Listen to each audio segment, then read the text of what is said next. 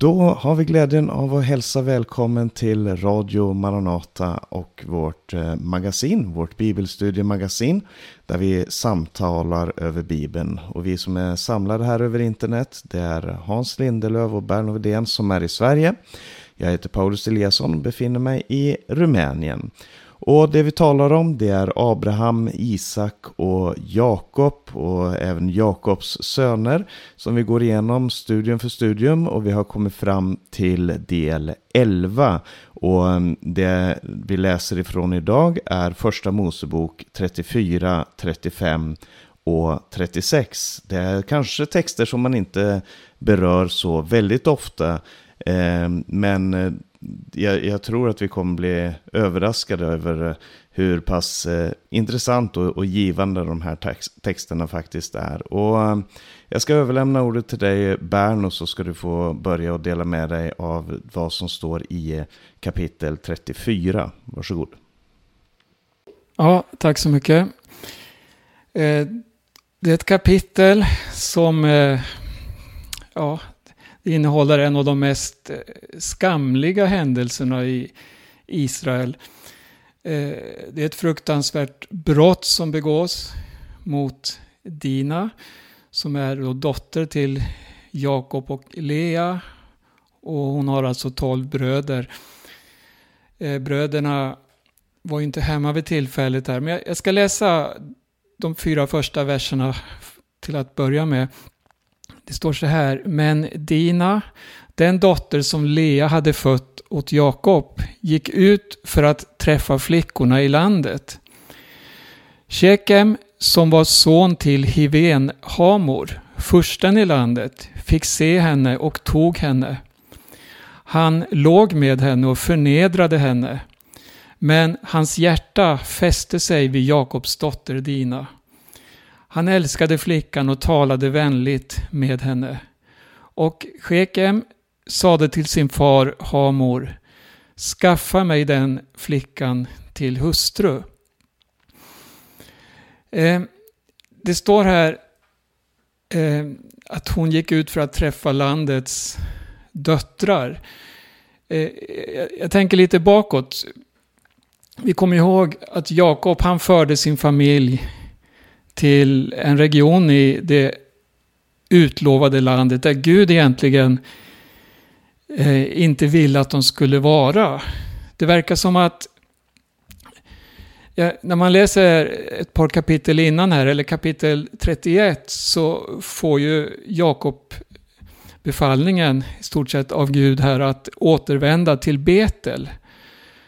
Men eh, här stannar han Eh, av någon anledning eller sökte sig till staden Shekem, eller Shekem. Och den miljön, den moralen och allt det som var rådande där, det gjorde säkert skada också då på hans familj. Jag försöker hitta en, ja, lite infallsvinklar på vad som hände. Det, det, det är inte bara det här att, hon, att Dina gick ut för att träffa några, ungefär som hon brukar göra det. Det var väl en begriplig önskan kanske, men ovisst. Eh, eh, bröderna var inte hemma, förstår man när man läser längre fram. Men Jakob, han såg väl inte till henne ordentligt. Hon kanske inte var övervakad och skyddad som man kanske borde ha förväntat sig av föräldrar på den tiden då, i den kulturen och så vidare. Ehm, men Dina hon gick ut för att socialisera sig då i en egentligen omoralisk gemenskap och det här var ett misslyckande från Jakobs och Leas sida.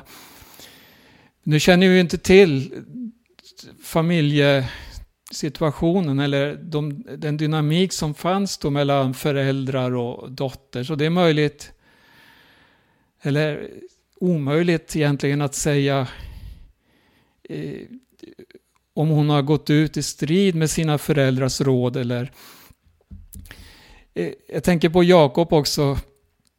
Han, eh, man har ju läst tidigare om hans eh, bristande uppmärksamhet och hans egna lögner och hans bedrägeri tidigare. Och, och, och, det är klart, det här kan också ha satt sina spår i hans familj. Hans kompromissande kanske gjorde honom mindre kapabel att stå emot sina egna barn och så vidare. Ehm, den här unge mannen nu då, som det står om, som heter Shekem, han, det står att han var starkt attraherad av henne och han talade till och med vänligt till henne. Men det är svårt att säga att han älskade henne, för det står också att han kränkte henne. Han fick begär till henne helt enkelt. Och I vers 5 så läser vi, Jakob fick höra att hans dotter Dina hade blivit orenad. Men eftersom hans söner var ute på marken med boskapen teg Jakob tills de kom hem. Men Shekems far Hamor gick ut till Jakob för att tala med honom. När Jakobs söner kom hem från marken och fick höra vad som hänt kände de sorg och vrede över vad Shekem gjort. Att han hade legat med Jakobs dotter var en dårskap i Israel, något som inte fick ske. Ja, här, här ser vi att eh, bröderna, eller Jakobs söner, de, de var långt mer kränkta och upprörda än vad vi kan utläsa eh, av Jakob här. De var bedrövade och mycket arga. Och när man tittar på den här gamla Mellanöstern-kulturen så det, det, och det finns också idag den här starka känslan av familjeheder. Tillräckligt stark för att använda våld för att försvara den här känslan då av heder. Och i den här kulturen så hade bröderna ett större ansvar att skydda sin syster än vad fadern hade. Men det vi kommer att läsa här nu, de, de kom att försvara familjens ära på ett fruktansvärt sätt. Eh, I vers 8 står det så här, men Hamor talade med dem och sade min son Shekem har fäst sig vid er syster. Ge henne åt honom till hustru. Gift in er hos oss. Ge oss era döttrar så kan ni ta våra döttrar till hustrur. Slå er ner hos oss och landet ska ligga öppet för er. Bo här och flytta omkring och skaffa er ägodelar. Och Shekem sade till hennes far och hennes bröder. Låt mig finna nåd för era ögon. Det ni begär, det vill jag ge er. Begär av mig hur stor brudgåva och annan gåva som helst. Jag vill ge vad ni fordrar av mig. Ge mig bara flickan till hustru. Eh, förslaget kom här då från de här kananiterna eh, att att gifta sig med Jakobs dotter. Och det, det, här var en farlig utmaning egentligen för familjen. Det var ju en löftesfamilj. Så eh, får man inte glömma bort. Det var en av Gud kallad familj för ett väldigt speciellt syfte. Och ett sånt här giftermål med kananiterna det skulle kunna visa sig vara förödande för familjen med en så viktig plan, eller så viktig väg då i Guds frälsningsplan. Och eh, Hamor och Shekem här trodde förmodligen att de var generösa. Men eh, deras sätt att förhandla om eh, det här äktenskapet, det, det var egentligen en kränkning. Eh, återigen då, med en attityd bara, säg ditt pris, de agerar som om pengar och äktenskap skulle kunna få den här skammen som nu låg över familjen, att den skulle försvinna.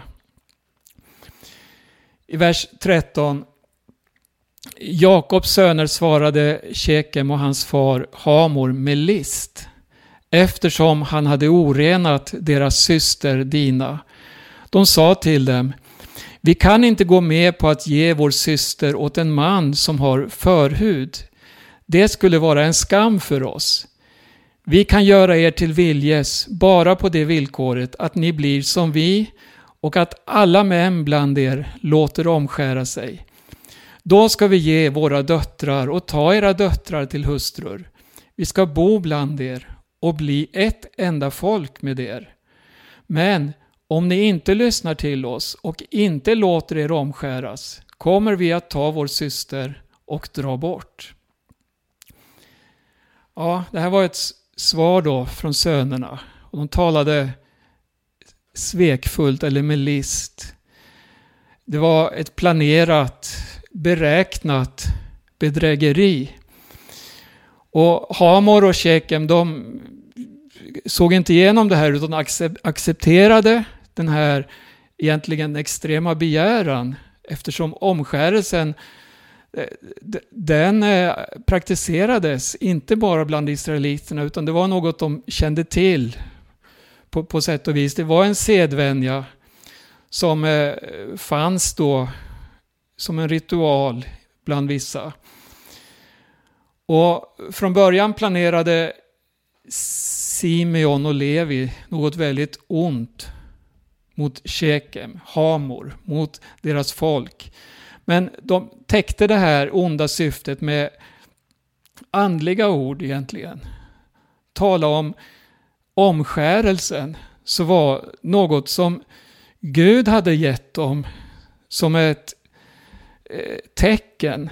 Och nu använder man då det här religionen eller det här andliga på, på ett avskyvärt sätt egentligen.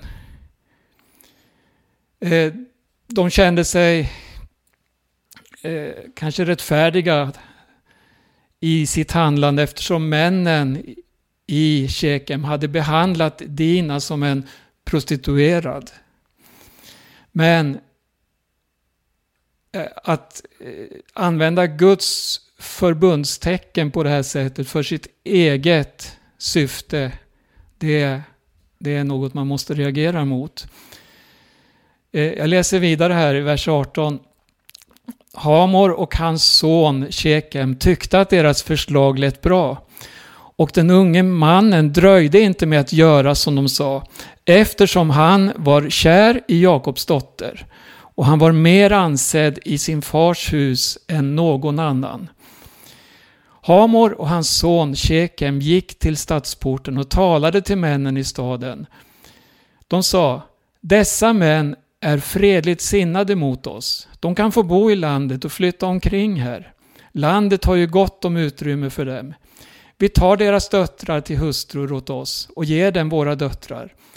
Men endast på ett villkor kommer männen att göra oss till viljes och bo bland oss och bli ett enda folk med oss, att alla män hos oss blir omskurna, liksom de är omskurna. Då kommer deras boskap och egendom och alla deras dragdjur att tillhöra oss. Låt oss därför göra dem till viljes, så att de bor kvar bland oss. Och folket lydde Hamor och hans son Shekem. Alla män som bodde innanför stadsporten lät omskära sig. De här orden behagade Hamor och Shekem. Trots eh, den här uppoffringen, det här som man nu skulle göra, så, så, eh, som var både smärtsamt och ja, man, man såg fördelarna övervägande. De var nöjda med planen. Och just det här att de på det här sättet också skulle kunna Börjat gifta in sig i en så stor, förmögen och inflytelserik familj som det handlar om. För Jakob var ju välsignad på alla olika sätt, inte minst materiellt. Eh, bland eh, eh,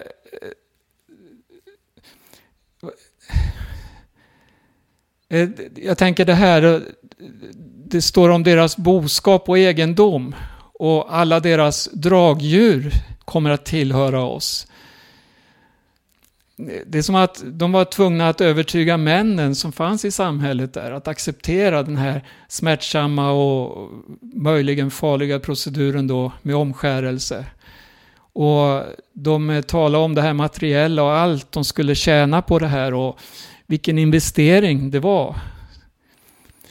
Varje man blev omskuren, de samtyckte och sen står det så här då i vers 25. Men på tredje dagen när männen var sjuka av såren tog Jakobs två söner Simeon och Levi, dinas bröder, var sitt svärd och överföll oväntat staden och dödade alla av manligt kön.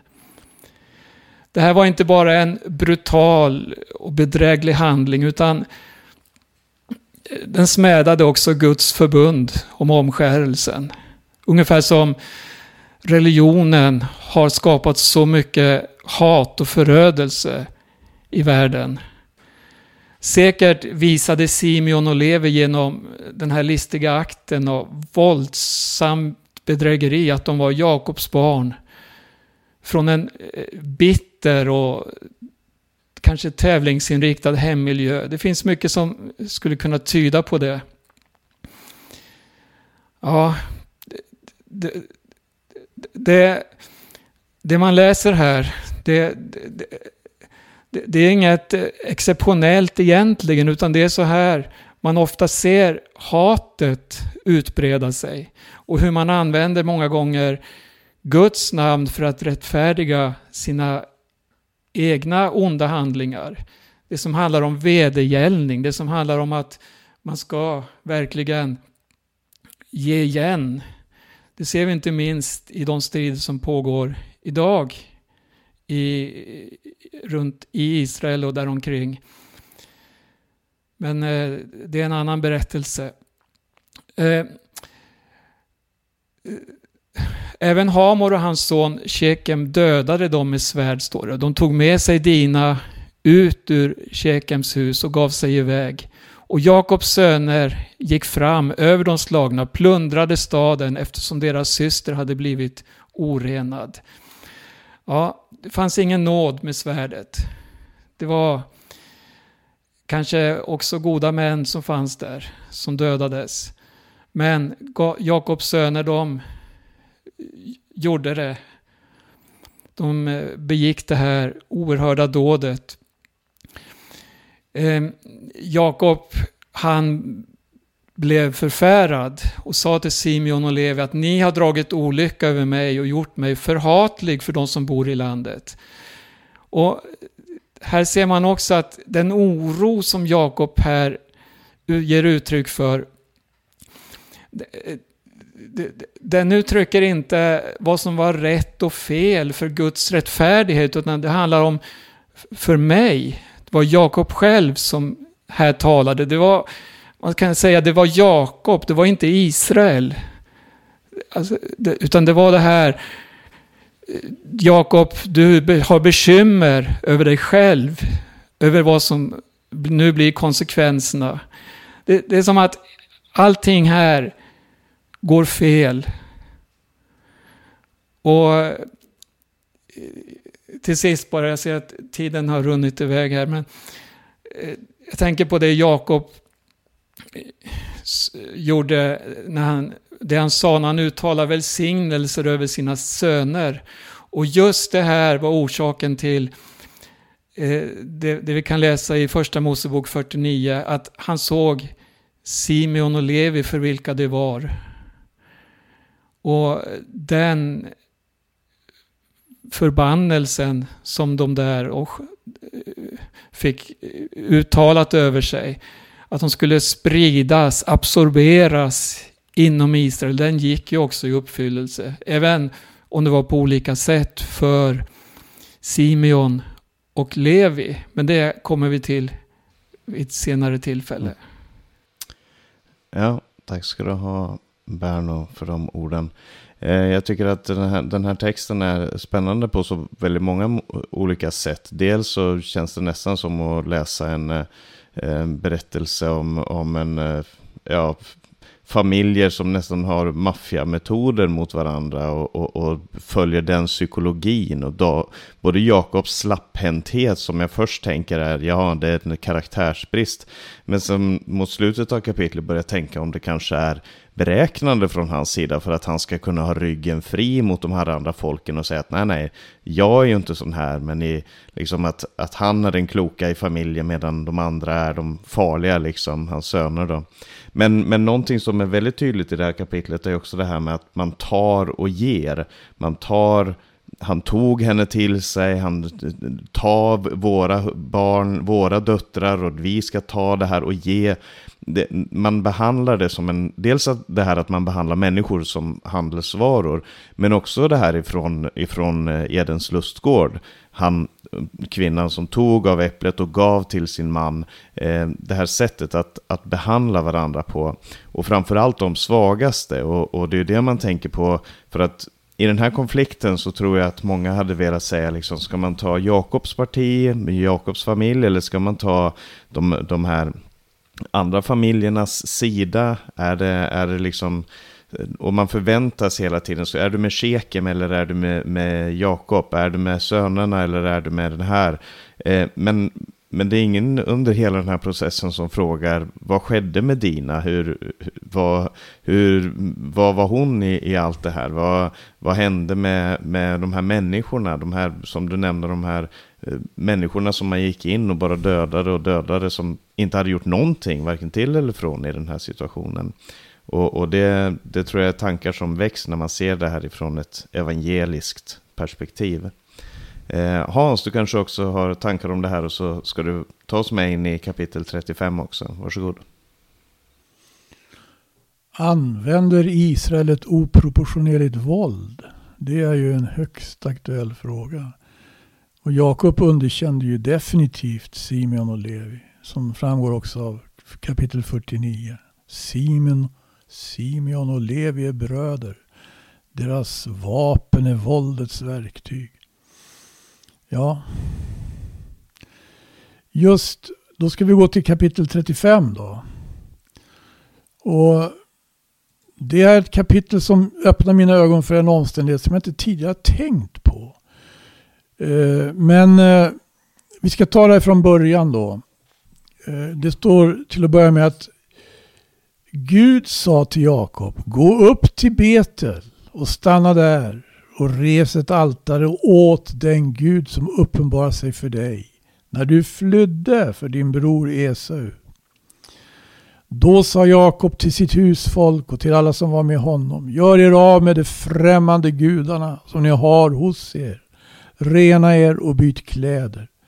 Vi går upp till Betel. Där ska jag resa ett altare åt den Gud som svarade mig när jag var i nöd och som var med mig på vägen jag gick. Och det gav Jakob alla främmande gudar det hade och alla sina örringar. Och Jakob grävde ner dem under terebinten vid Shekem. Sedan bröt det upp och en skräck från Gud kom över städerna runt omkring så att man inte förföljde Jakobs söner. Och det är väl på, med tanke på händelsen i det tidigare kapitlet att Jakob var ju så orolig för att nu blir jag dödad. Men Gud själv grep in och såg till att inte det blev. Och Jakob kom till Lus, det vill säga Betel, i Kanans land med allt folket som var med honom. Där byggde han ett altare och kallade platsen för El-Betel eh, därför att Gud hade uppenbarat sig för honom. Där när han flydde för sin bror. Debora, Rebeckas amma, dog och blev begravd under en ek nedanför Betel. Den fick namnet Gråteken och då nämns ju en person som aldrig säger något. Men en som också omnämns tror jag i samband med att Isak och Rebecka då förenas på det sätt som det gick till med Eliezer som medlare. jag tror att hon följde väl med. Eh, med Rebecka, den här amman. Eh, en person som eh, naturligtvis hade sin betydelse. Gråteken, ja. Gud visade sig på nytt för Jakob när han hade kommit tillbaka från Paddanara. Och han välsignade honom. Gud sa till honom, ditt namn är Jakob, men du ska inte längre heta Jakob, utan Israel ska vara ditt namn. Ja, här kommer en, får han alltså veta det här för andra gången. Och det verkar som att efter att han har fått det här beskedet för andra gången så, så kallas han lite mer konsekvent för Israel. Jag vet inte om jag uppfattat det helt rätt men eh, något i alla fall mer frekvent. Och han gav honom namnet Israel. Detsamma som vi läser om alltså i kapitel 32 och vers 28 där. Gud sa till honom, jag är Gud, den allsmäktige. Var fruktsam och föröka dig. Ett folk, ja många folk ska komma från dig och kungar ska utgå från dig. Det land som jag gett till Abraham och Isak ger jag till dig och åt dina efterkommande ska jag ge detta land. Sedan steg Gud upp från honom vid platsen där han hade talat med honom. Gud steg upp. Det var ju när Gud uppenbarade sig för Jakob för, för, förra gången på denna plats. Som det skedde Eh, med en syn av en stege som var rest från jorden ända upp till himlen. Och Guds änglar steg upp och ner på den. Här uppenbarar sig Herren igen då så som han sa här i början av kapitlet. Han ville uppenbara sig för honom och påminde om hans flykt från sin bror Esau. Och de skulle göra sig av med de främmande gudarna läser. Det var inte alls självklart att det var eh, den här guden som var Gud. Men nu gjorde Jakob klart för dem att det, det, det var det. De hade ju främmande gudar. Där ska jag resa ett altare åt den Gud som svarade mig när jag var i nöd och som var med mig på vägen där jag gick. Ja. Eh, i fjortonde versen. Jakob resten stod på platsen där Gud hade talat med honom, en sten stod. Han offrade dryckesoffer på den och hällde olja över den. Jakob kallade platsen där Gud hade talat med honom Betel. Exakt detsamma som skedde i, i kapitel 28 då. Han kallade platsen Betel, står det där i 19 versen. Sen kommer den här eh, tragiska händelsen och naturligtvis för Jakob, för Israel, kanske särskilt smärtsamma. När hans älskade Rakel dör. Det står vidare här, sedan bröt det upp från Betel. När det var en bit kvar till Efrata började Rakel föda. Och förlossningen var svår. När det, som, när det var som svårast sa barnmorskan till henne. Var inte orolig, du får en son den här gången också. Men när hennes själ skulle lämna henne, hon var döende, gav hon honom namnet Ben-Oni. Men hans far kallade honom Benjamin. Rakel dog och begravdes vid vägen till Efrata, det vill säga Betlehem. Jakob resten stod på hennes grav. Det är den som än idag kallas Rakels gravsten. Eh, Betlehem, va? beryktade ort, sällsamma ort. Mika profeterade om den orten i Mikas boks femte kapitel, vers 2. Där står det men du, Betlehem Efrata som är så liten bland judatusenden. Från dig ska det åt mig komma en som ska härska över Israel. Hans ursprung är före tiden, från evighetens dagar. Även Jeremia profeterar. Jeremias bok 31 kapitlet och verserna 15-16 står det. Så säger Herren ett skri, hörs i Rama klagan och bitter gråt. Det är Rakel som gråter över sina barn. Hon vägrar låta sig tröstas. För hennes barn finns inte mer. Men så säger Herren, stilla din högljudda gråt och tårarna från dina ögon, för ditt verk ska få sin lön, säger Herren. Det ska komma tillbaka från sina fienders land. Mäktiga profetier som vi vet, inte utan vidare. Betlehem, det är inte vilken ort som helst. Där skulle världens frälsare komma och födas och det skulle gå till på ett sådant sätt att de här båda profetiorna verkligen kom eh, att uh, bli, bli det påminns ju om den ena i, i, i Matteus evangelium, om båda va förresten. För barnamorden i Betlehem är ju anledningen till att man citerar Jeremias profetia då. 21 versen. Israel bröt upp därifrån och reste sitt tält på andra sidan herdetornet.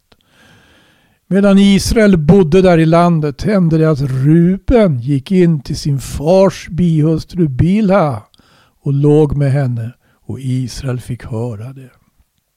Ytterligare en skamlig händelse. Men den händelsen försummar inte Jakob att, eh, eh, att, att klandra då han i 49 kapitlet välsignar sina söner.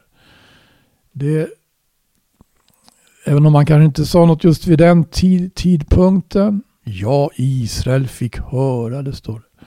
Fick höra det, men sa inget då. Jag vet inte om det var för att han hade samma Eh, liknande drag som en gång David. Det står att David inte sa någonting till, till sin son när han anstiftade uppror. Eh, första Konungabokens första kapitel.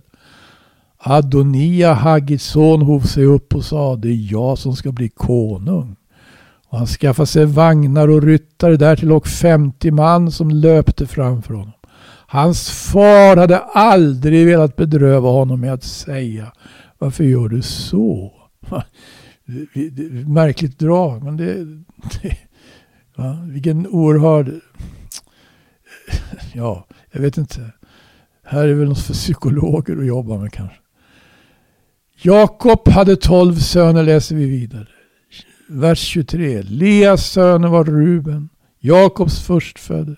Ja, det är just den här uppräkningen av, av Jakobs söner som vi får exempel på flera tillfällen. Jakobs söner blir ju så småningom Israels tolv stammar. Och vilka som var de mödrarna till dem då.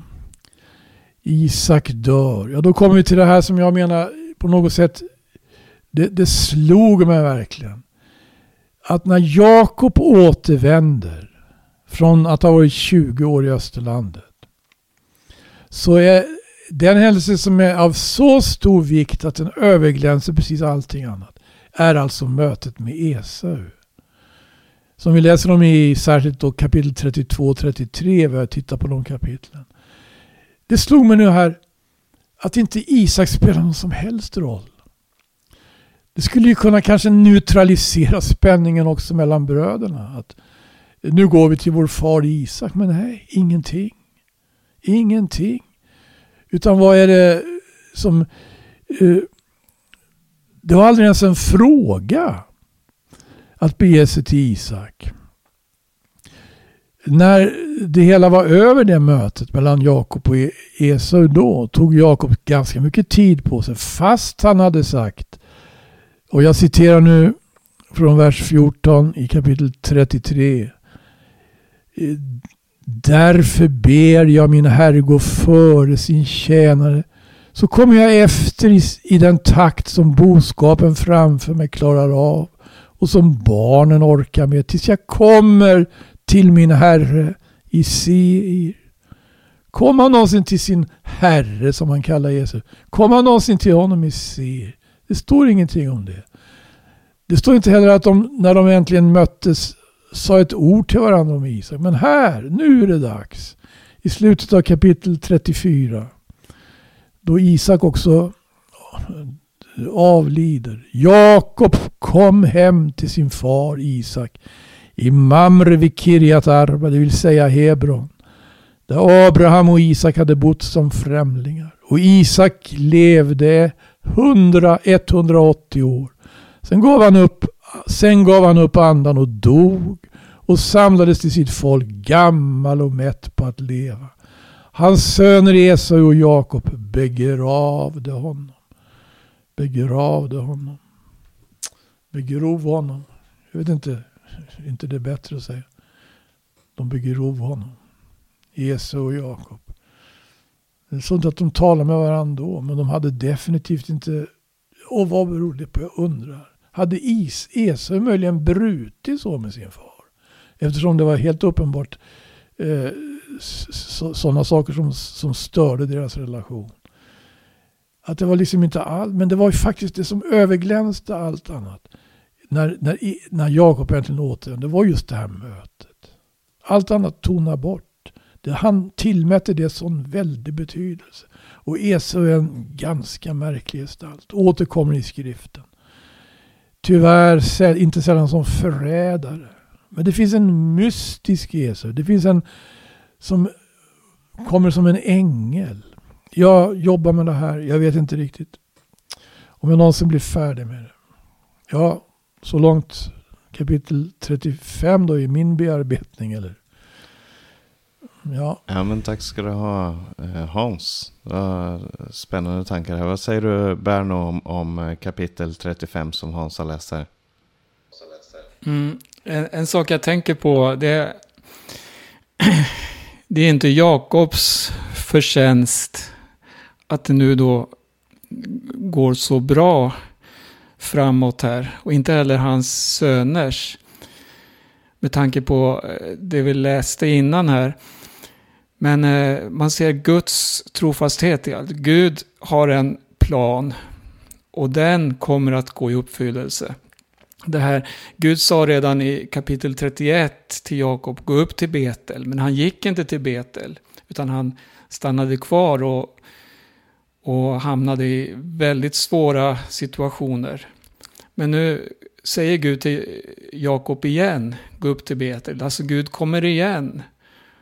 Och igen.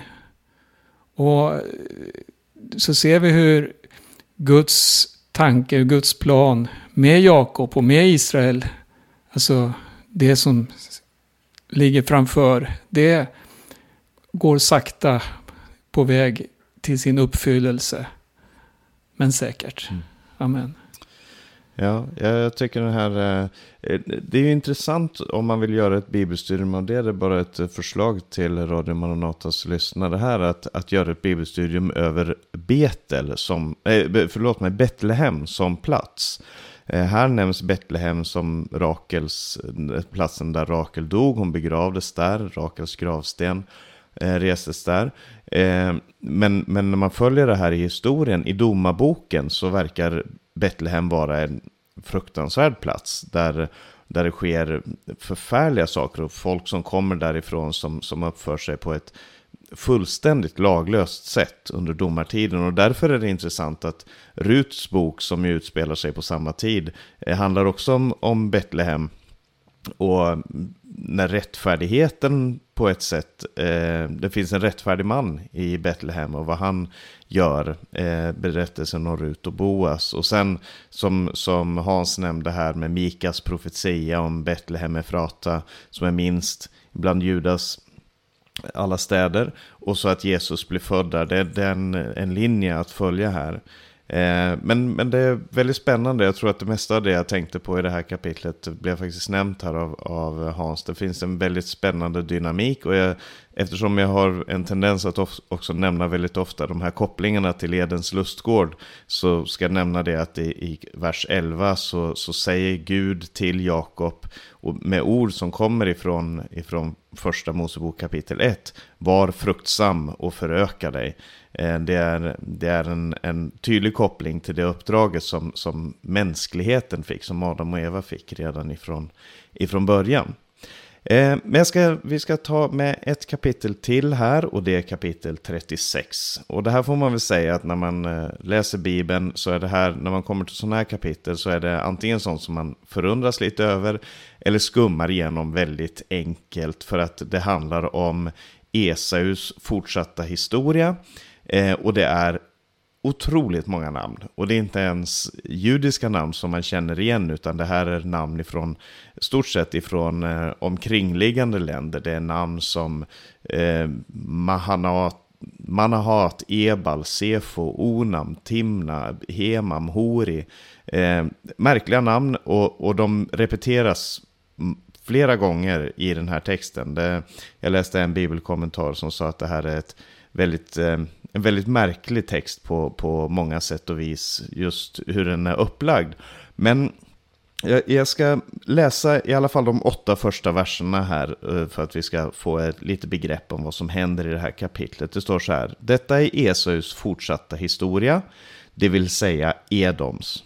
Esau hade tagit sig hustru bland Kanans döttrar. Ada, hetiten Elons dotter, och Oholibama, dottern till Ana och sondotter till Hiven, eh, Hiven Sibon. Eh, samt Basmat, dotter till Ismael och syster till Nebajot. Ada födde Elifas åt Esau och Basemat födde Reguel. Oholibama födde Jeush, Jalam och Kora. Det, detta var Esaus söner som föddes åt honom i Kanans land. Esau tog med sig sina hustrur, sina söner och döttrar och allt sitt husfolk, sitt boskap, alla sina dragdjur och all annan egendom som han skaffat sig i Kanans land och flyttade till ett annat land bort från sin bror Jakob. De hade nämligen så mycket ägodelar att de inte kunde bo tillsammans. Landet där de bodde räckte inte till åt dem båda på grund av deras boskapsjordar. Esau bosatte sig i Seirs bergsbygd. Esau är densamme som Edom. Eh, så det som händer i texten här, vi, vi möter då Jakobs bror Esau. Det är han. Eh, och så har han tre fruar. Det är Ada, Oholibama och Basemat. Eh, Ada är ett vanligt namn på kvinnor här i Rumänien eh, och Holibama och Basemat har jag aldrig hört talas om så de finns lediga om någon som ska ge namn till sina barn. Men, men eh, här, här, eh, han är också, Basemat är då dotter till Ismael som då blir eh, Eh, Edom eller Esaus kusin eller halvkusin om det är ett uttryck. Eh, och så nämns det flera gånger att Esau är Edom. Och det tror jag är viktigt för att förstå det här kapitlet. Det handlar inte bara om den här personen Esau som sen försvinner ur historien. Varför behöver vi veta så mycket om honom? Vad är så viktigt med honom? Utan det som är viktigt med Esau är att han är Edom. Och Edom är då ett folk. Och om vi ska ta först lite historia, för, för att om vi ska förstå varför den här, det här kapitlet är viktigt så måste vi förstå, eh, så måste vi vända lite på berättelsen och istället för att fråga oss vad är det som står här så måste vi fråga oss vem är det skrivet till? När skrevs det här och vem skrevs det till? Och konservativ kristen judisk tro är ju naturligtvis att det är Mose som har skrivit Moseböckerna. Eh, så det är många hundra år senare, då Edom redan hade blivit till ett folk och dominerade ett område i Israel. Eh, så det, det, är flera hundra år senare. Och Edom var ett folk som låg söder om det, ja, en del av det som vi idag känner som, som Israel, men det låg söder om, om Döda havet. Eh, mellan Döda havet och eh, Akababukten kan man säga att den var, Edom var när det var som allra störst på 600-talet före Kristus. Eh, då var det mest omfattande, som, som en rund ring mellan, mellan eh, Döda havet och Akaba. Eh, och det är området som, som Edom då rör sig i och det kallas också för Seirs bergsbygd. Eh, och eh, och Edom på den här tiden, alltså på Mose tid då det här skrevs ner, eh, var ett folk som vägrade Israels folk att gå igenom det landet när de skulle gå till Kanans land. De, de sände bud och bad om att få gå igenom där. Eh, de hade ju gemensamma förfäder och så vidare. Men Edom, Edoms folk vägrade Israels folk att gå igenom där och Mose valde då istället för att gå i konflikt med, med sin släkt eh, helt enkelt så valde han att eh, föra folket runt Edom. Eh, och så kan man läsa vidare i historien att det var en del krig mellan Israel och Edom under Sauls tid, under Davids tid. Och senare då, då judafolket blev bortförda i fångenskap i Babylon, så uppförde sig är de väldigt mycket som en förrädare mot, mot Israel och stödde Nebukadnessar, ställde sig på hans sida och plundrade Israel när de blev bortförda eh, till, i fångenskap. Då. Så det är e, Edoms historia och sen under Nya Testamentets tid så kallas det här området för Idumeen som är, som är då det grekiska ordet för Edom.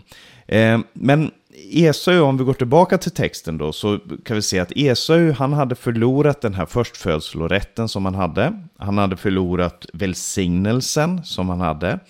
Han, det verkar som att han önskade sig de här eh, tingen, inte inte för att det gav honom det här förhållandet med Gud och för att det gav honom eh, en plats i Guds plan och tanke som ju var meningen med både förstfödslorätten och välsignelsen. Utan den, det verkar som att Esau är mer koncentrerad om den makt som det här kunde ha fört med sig. Eh, han gifte sig som sagt med tre olika kvinnor, Ada och Holibama och Basemat. Och alla de tre gav honom eh, viktiga kopplingar till politiska och militära ledare på sin tid. De var döttrar av olika kungar, Ada och Holibama och Basemat var ju då dotter till Ismael som också växte sig och blev en, en ganska mäktig man. Så om man läser den här texten i kapitel 36 som följer, och jag vill rekommendera att man gör det med pennor med olika färger så att man kan markera släktträd. Det är ett ganska komplicerat släktträd som dessutom inte är jättestrukturerat utan man måste, oh ja, han kommer där och han kommer där. Det, kan, det är intressant om man, om man lägger märke till många saker i texten, bland annat hur de valde sina kungar, eh, i Seir eller, eller Edom som inte baserade sig på att det var faderns son som blev kung utan det verkar ha varit ett annat system hur som helst. Eh, och vi vet ju att Jakob då, eh ehm, eller Esau var, var först vred på Jakob för att han, och ville döda honom. Och det verkar som att det var för att han trodde att nu så kom den här välsignelsen inte att nå honom och då fanns det ingen, eh, då fanns det ingen makt för honom. Eh, men när han väl fick den här makten som han verkligen får, han, han kommer att utmanövrera de andra kungarna i Seir vad tiden lider och hans familj kommer helt dominera det området, så verkar det som att han slår sig till ro och det är med det som utgångspunkt som han är beredd att, eh, att försonas med Jakob. Och det var bättre för Esau att ha Jakob som en allierad än som en fiende. Och i Hebreerbrevet kapitel 12 så säger författaren där någonting som är intressant om, om Esau. Han säger så här i en uppmaning till, till församlingen så säger han Se till att ingen är sexuellt omoralisk eller oandlig som Esau som sålde sin förstfödslorätt för ett enda mål mat. Och det är inte helt tydligt härifrån texten om det menas att Esau var både sexuellt omoraliskt och oandlig eller om det bara är oandlig som ska appliceras på Esau. Men om det är det här med sexuell omoral så var han ju absolut inte ensam om det. Eh, man kan tala om hans, eh, hans polygami och flera andra saker, men det har han ju gemensamt med många av sina samtida. Men det han gör är att han uppvisar prov på prioriteringar som absolut inte är, eh, liknar det som Jakob lär sig av Gud. Alltså Jakob gör väldigt mycket illa, han gör väldigt många saker som han absolut inte borde ha gjort. Men det han lär sig om Gud är väldigt annorlunda än den, den väg som Esau väljer att ta. Han är oandlig. Det är det, det, det Hebreerbrevets författare kallar honom, oandlig. En person som har andra prioriteter, prioriteringar i sitt liv än det andliga. Och eh, så han blir kung i det här kaotiska bergsbygden Seir. Men frågan är, och, och, verkligheten är den att det är ju inte den typen av relation som Gud önskar med sitt folk och, och med, eh, med människor. Och eh, han ser inte vad som har ett verkligt värde. Det visar han när han säljer sin förstfödslorätt. Det visar han på många olika sätt. Eh, och det här kapitlet, det är liksom Esaus arv. Det är vad som sker med Esau, det är hans del. Eh, det är en massa namn på massa kungar som bråkar med varandra, som, som strider och kämpar mot varandra. Och det finns ingen verklig fred för Edom.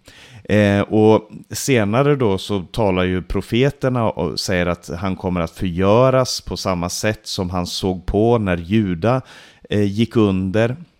Man kan läsa Jesaja, vad han säger om Hesekiel, eh, vad han säger om Edom, vad Hesekiel säger om Edom och också vad Obadja säger om Edom. Obadja, som är Gamla Testamentets kortaste bok, talar en hel del om, om Edom och Edoms, eh, ska säga, eh, öde fra, framöver. Eh, och, och, och sen så i Talmud, eh, som ju är skriven då senare, så, så används Esau som en bild på till exempel Rom. De, Talmud skrevs ju då medan romarriket härskade över eh, Israel.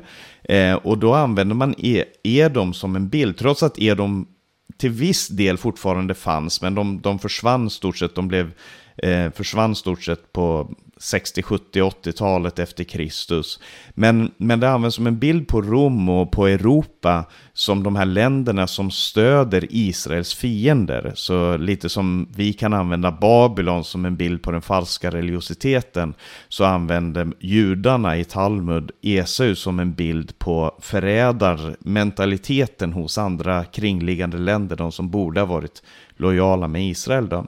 Men Idumén, som jag sa, att Edom kallas i Nya Testamentet, nämns en gång i Nya Testamentet, i Markus evangelium. Och innan jag avslutar så vill jag bara ta med det för att det står så här eh, i Markus kapitel 3, vers 7-8.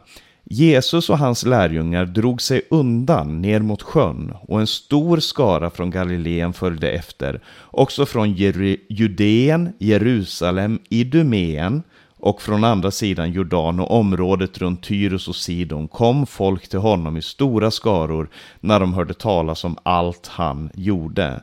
Så här är evangelium. I evangelium så kallas Guds gamla fiender tillsammans, både Tyrus och Sidon som det också profeteras om, Idumén, alla de här samlas för att höra Jesus, för att möta honom och för att få uppleva det han gör.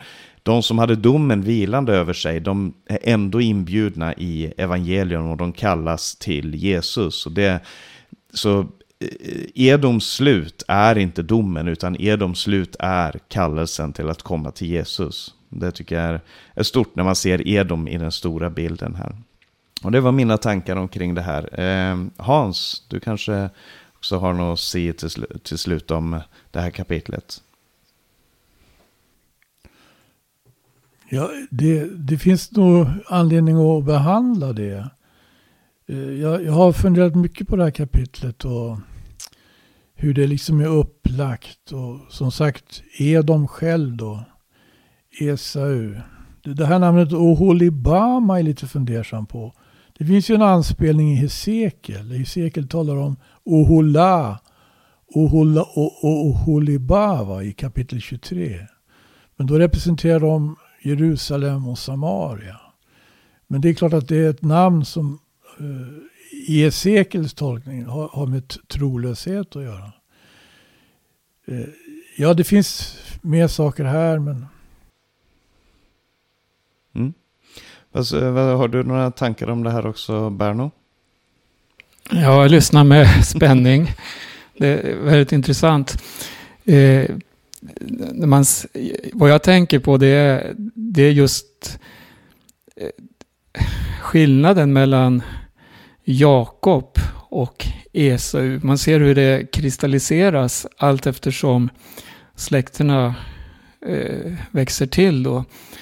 Och för mig det är en koppling direkt till församlingens identitet och faran av att bli alltför lik världen runt omkring. Just att ta vara verkligen på det som är den identitet som skriften vill ge oss och det som den helige ande vill forma oss till. Det tror jag man kan eh, ta till sig genom att läsa det här. Ja, ja tack ska du ha. Ja, och eh, vi ska avsluta med det här. Vi, vi kommer, om Herren dröjer och vi får leva, så kommer vi tillbaka till de här texterna igen. Nästa gång så blir det i så fall om Josefs drömmar. Eh, eh det är alltså eh, Jakobs näst yngste son, son, Josef, hans drömmar och han, hur hans bröder säljer honom som, som slav till Egypten. Och eh, om vi kommer in på det också, om vi hinner med det, så kommer vi antagligen komma in på berättelsen om Juda och Tamar, som än en gång är en sån här mm, väldigt skrämmande berättelse som man eh, tänker, vad, vad, vad, gör den här i Bibeln? Och, och det får vi säkert anledning att komma in på och tala om också. Men till det så får vi säga stort tack till er som har följt med i det här programmet, vi som har samtalat här. Berno Widén, Hans Lindelöv och jag heter Paulus Eliasson. Vi önskar er Guds rika välsignelse och på återhörande.